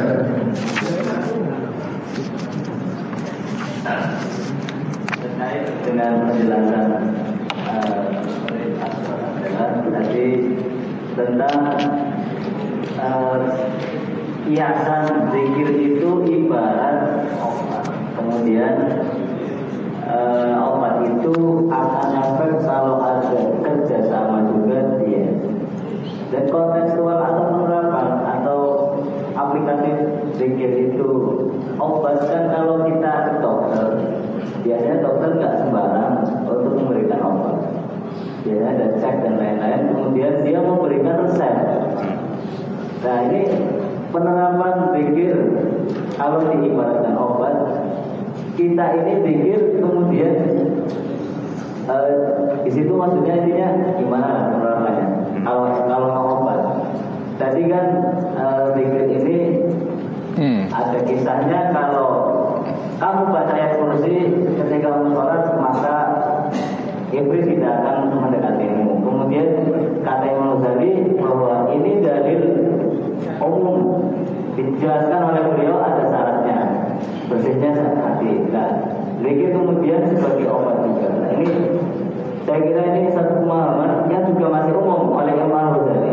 Barangkali oleh uh, Gus Dur bisa dikhususkan seperti itu. Terima kasih. Satu lagi dari Muhammadiyah Kultural saya bisa ya.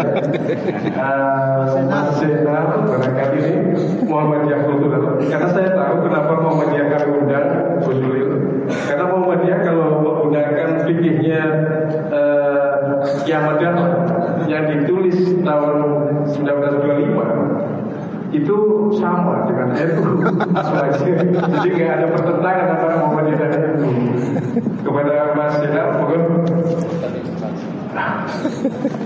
Ada satu lagi? Oh iya. Assalamualaikum. Nama saya Sugiarto dari Aliganta. Saya mau menanyakan, saya itu sering itu Pak. Ah, halo. Ya. Iya halo juga.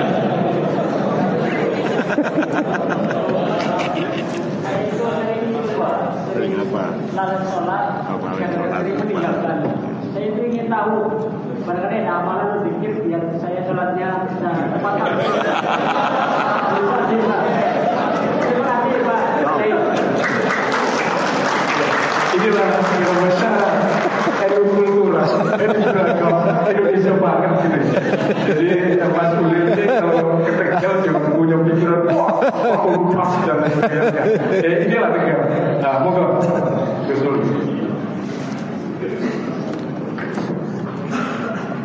Eh, terima kasih. Saya saya akan eh, mengulang pertanyaan tadi karena yang mengikuti pengajian ini lewat Facebook itu mungkin tidak mendengar karena tidak pakai eh, ini mic yang dicantolkan di sini ini. Jadi supaya yang di dunia Alam. uh, alam goib sana dengar pertanyaan di sini. Jadi saya akan ulang. Jadi pertanyaan yang pertama tadi itu menanyakan Al Ghazali menyebutkan bahwa fanatisme golongan itu merupakan jalan masuk syaitan untuk merusak manusia. Lalu bagaimana dengan orang NU yang didoktrin untuk fanatik kepada NU dan seterusnya ya. Saya sudah pernah mendapatkan pertanyaan seperti ini sebelumnya di uh, di Bekasi kalau nggak salah waktu saya kopdar ihya di sana. Jadi pertanyaan serupa dan jawaban saya akan sama pada malam hari ini. Jadi oh enggak di kantor PBNU ya. Di PBNU di Masjid An-Nahdhah saya juga pernah mendapatkan pertanyaan serupa di kantor pusat PBNU ini ya. Markas ya. Markas PBNU ini. NU yang struktural bukan yang kultural ya. Nah, bagaimana dengan orang-orang NU atau orang Muhammadiyah juga atau Persis atau Al-Wasiliyah atau Matlaul Anwar atau Nahdlatul Waton kan orang banyak yang orang Islam yang ikut berbagai organisasi kan. Apakah ketika didoktrin untuk fanatik kepada organisasi itu tidak bertentangan dengan ajaran Ihya ini. Sebetulnya ajaran Ihya ini memang memperingatkan kepada kita semua termasuk kepada orang NU ya bahwa meskipun kita ini menjadi anggota dari suatu golongan organisasi madhab tetapi kita tidak boleh fanatik Nah, apakah ketika kita belajar NU, di doktrin NU itu fanatik? Enggak. Belajar itu justru membuat kita ketika kita mengikuti suatu golongan itu ngerti dalilnya. Karena yang tidak dibolehkan itu justru adalah kita ikut sesuatu tapi tidak tahu dalilnya. Itu yang disebut dengan uh, ikut-ikutan yang potensial menjadi fanatik di situ. Meskipun mengikuti suatu organisasi dengan pengetahuan tapi kemudian diikuti dengan sikap yang kurang tepat ya itu bisa juga berujung kepada fanatisme intinya Al Ghazali itu mengkritik fanatisme ya apa itu fanatisme? Fanatisme adalah ya mengikuti suatu golongan ya sambil meremehkan golongan yang lain. Makanya Al-Ghazali dalam kitab yang lain judulnya adalah Faisalut Tafriqah Bainal Islami wa Zandaqah ya. Beliau menulis begini. Ini penting didengarkan oleh uh, kita yang warga Nahdien yang mengikuti akidah Asy'ariyah ya. Ini ditulis sendiri oleh Al-Ghazali dan kita tahu loh, orang NU semua tahu Al-Ghazali ini adalah kiblatnya orang NU karena dalam ADART-nya statutanya NU dituliskan bahwa di dalam tasawuf kita atau orang orang orang NU ini mengikuti salah satu atau dua tokoh atau apa tokoh dalam tasawuf yaitu Al Junaid Imam Al Junaid ya Sayyidut Taifah dan Al Ghazali. Jadi Al Ghazali itu kiblat spiritualnya orang-orang NU. Nah Al Ghazali di dalam kitab Faisalut Tafriqah itu mengatakan begini. Kita ini ya orang Islam itu dilarang untuk mengkafirkan orang Islam lain hanya karena kita beda pandangan yang dalam istilah Al-Ghazali la nukaffiru ahlal qiblah. Kita tidak boleh mengkafirkan orang yang sesama salat menghadap Ka'bah. Itu nggak boleh. Karena apa? Karena ya kata Al-Ghazali dalam salah satu bab dalam kitab itu beliau mengatakan al-haqqu yaduru fi kulli madhhabin. Kebenaran itu itu bisa ada pada semua madhab pada Ash'ari bisa ada, pada Maturidi bisa ada. Jangan mengira kalau orang mengikuti madhab Ash'ari kemudian yang Maturidi itu salah. Jangan, tidak boleh itu. Jadi itu yang disebut oleh Al-Ghazali atau Wasul tadi itu Yaitu kita mengikuti sesuatu sambil meremehkan yang lain. Mengikuti toh tidak salah Tapi begitu kita meremehkan orang lain Termasuk meremehkan orang yang di luar Islam misalnya ya Apalagi menyalahkan Apalagi ya termasuk membed'ah-bed'ahkan Mensyirik-syirikkan dan seterusnya ya um, Gampang mengobral tuduhan itu Itu itu itu juga berbahaya. Jadi itu yang dilarang atau yang diwanti-wanti oleh Al-Ghazali itu bisa menjadi madakhulus syaitan. Itu jawaban yang pertama.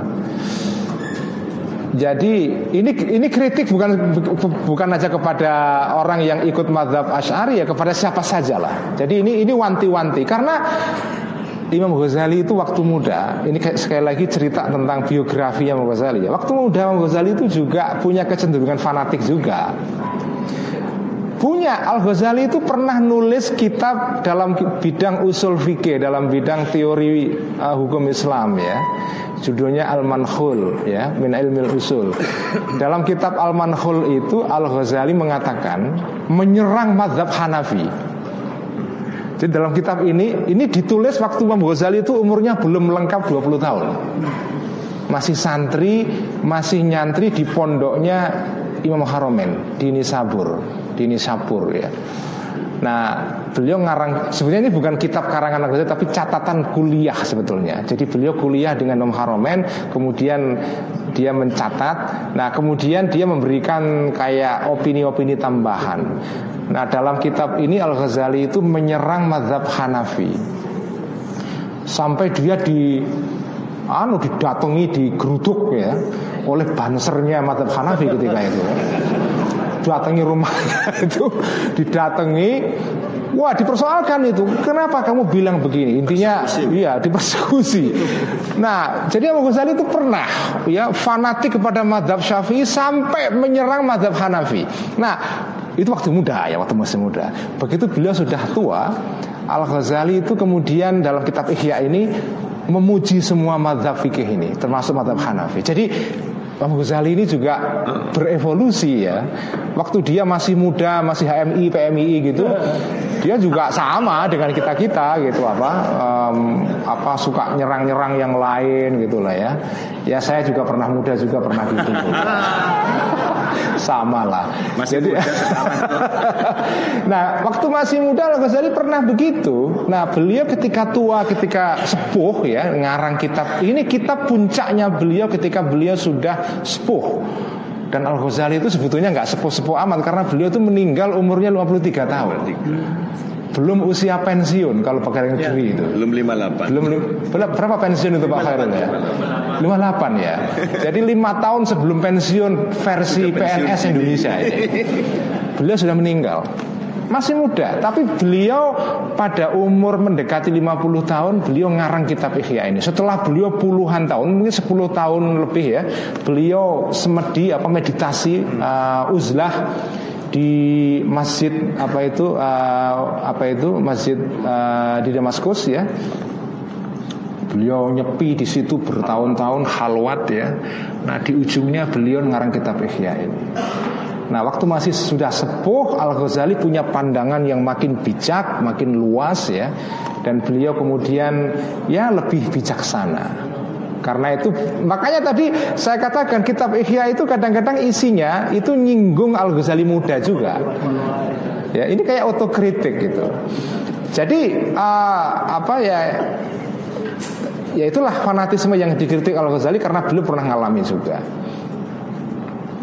Perbedaan antara nafsu, hawa nafsu dan syahwat ya.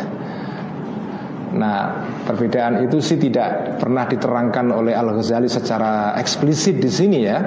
Tapi Al Ghazali pernah memberikan definisi dalam bagian awal juz ini kitab Ihya itu empat jilid. Ini jilid ketiga.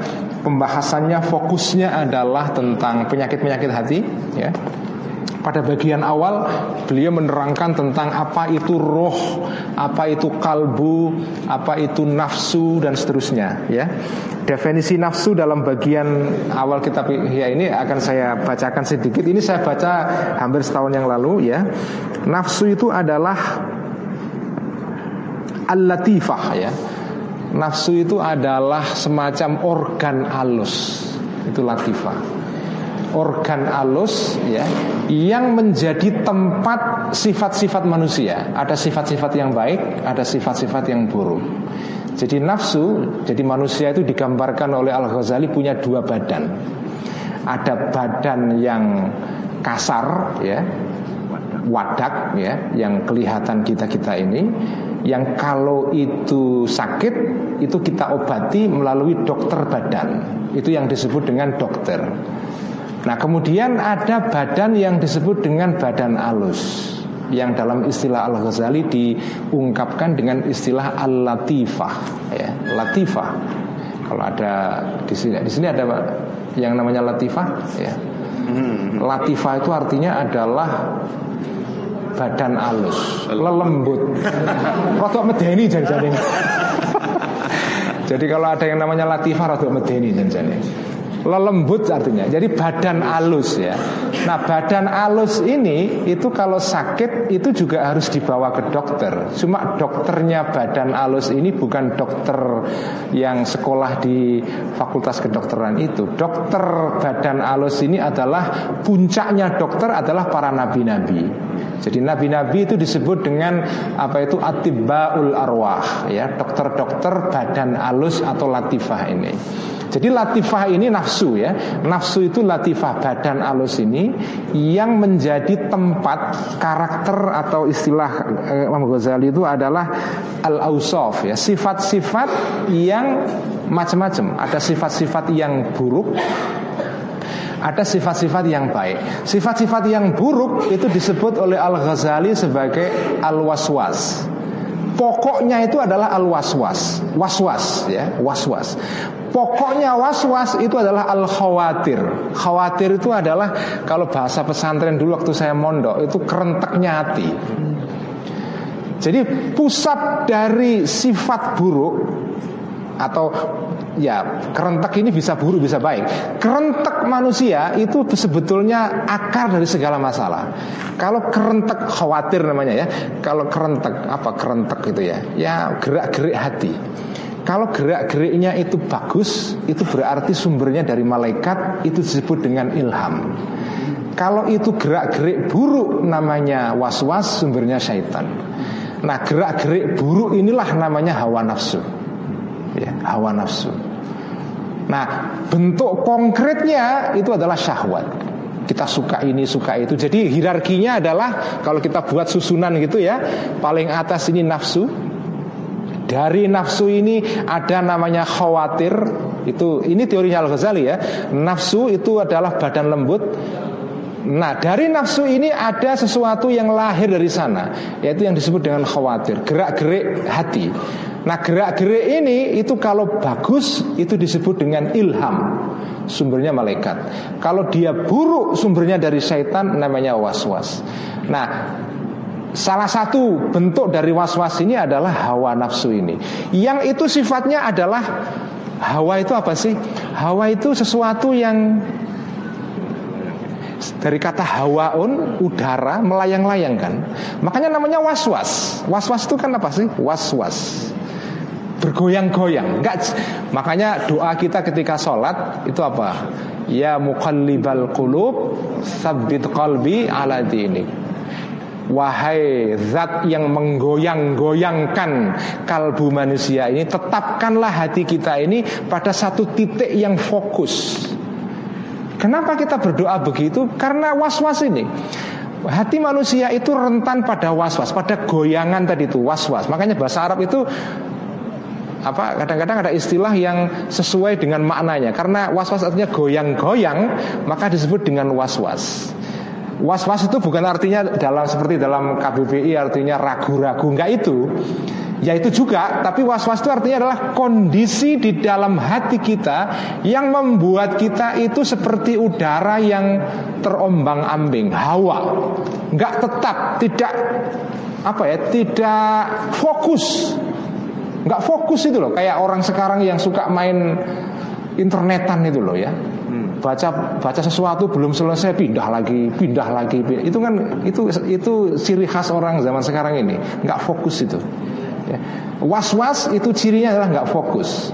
Tidak sabit kalbi ala dinik. Tidak menetap kepada satu kebenaran yang membawa kepada setenti atau keyakinan ya itulah namanya hawa nafsu nah syahwat itu timbul dari sana Ya, sahwat itu kesenangan-kesenangan yang sumbernya dari was-wasnya syaitan ini. Nah, nah ciri khas syahwat, ciri khas syahwat itu adalah dia terombang-ambing. Kesukaan kita itu kan mudah berubah kan dan itu yang dieksploitasi oleh kapitalisme modern. Kapitalisme modern bekerja dengan mengeksploitasi syahwat manusia yang mudah berubah. Orang itu mudah bosen Berapa lama sih kita kita tahan dengan satu handphone ini? Berapa? Mbak-mbak ini loh berapa? ya nggak hanya mbak-mbak juga mas-mas juga sama lah. Berapa lama sih kita bisa bertahan dengan satu handphone ini? Setahun? Ah, bosen pasti setahun. Nah itu namanya syahwat, ya. Syahwat itu tidak pernah tenang pada satu titik. Dia mudah berubah, mudah bosan. Dan itu yang dieksploitasi oleh kapitalisme modern dengan memproduksi barang terus-menerus untuk memenuhi syahwat kita yang berubah-ubah dari satu saat ke saat yang lain. Jadi ini ini semacam kritik kritik apa ya? Kritik mistik ya terhadap kapitalisme. Bukan kritik bukan kritik ala mahasiswa kritik marxisme atas kapitalisme. Enggak ini kritik yang bersifat tasawuf ya.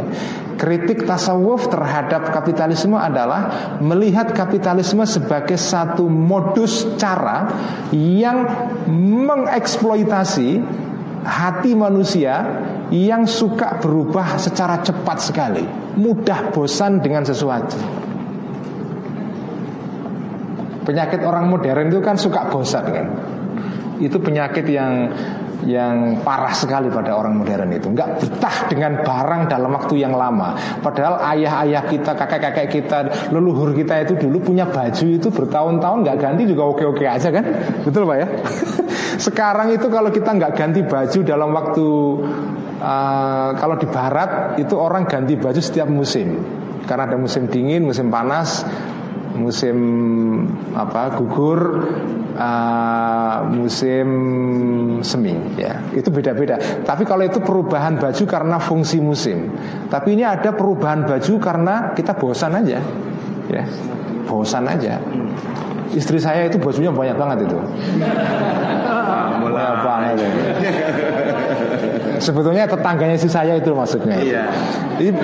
Jadi, Ketularan. ketularan. Jadi ini apa? Nggak tahan dengan satu model fashion dalam waktu yang lama nggak tahan itu. Itulah itulah syahwat itu ya. Oke, yang ber- menikmati. suaminya menikmati juga. Eh, tadi soal yang berikutnya soal ah, ah, bagaimana supaya salatnya bisa khusyuk dan segala macam. Sebetulnya sudah diterangkan Al Ghazali tadi itu. Jadi ini teori ya, teori ini saya juga belum bisa juga melaksanakan. Terus terang saya jujur lah, belum bisa melaksanakan teori yang Ghazali ini. Teorinya adalah ya sholat itu bisa khusyuk kalau hati kita bisa kita dietkan. Ikhtimak tadi itu.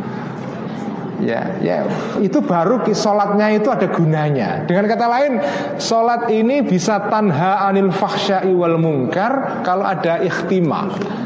Ada ikhtima itu.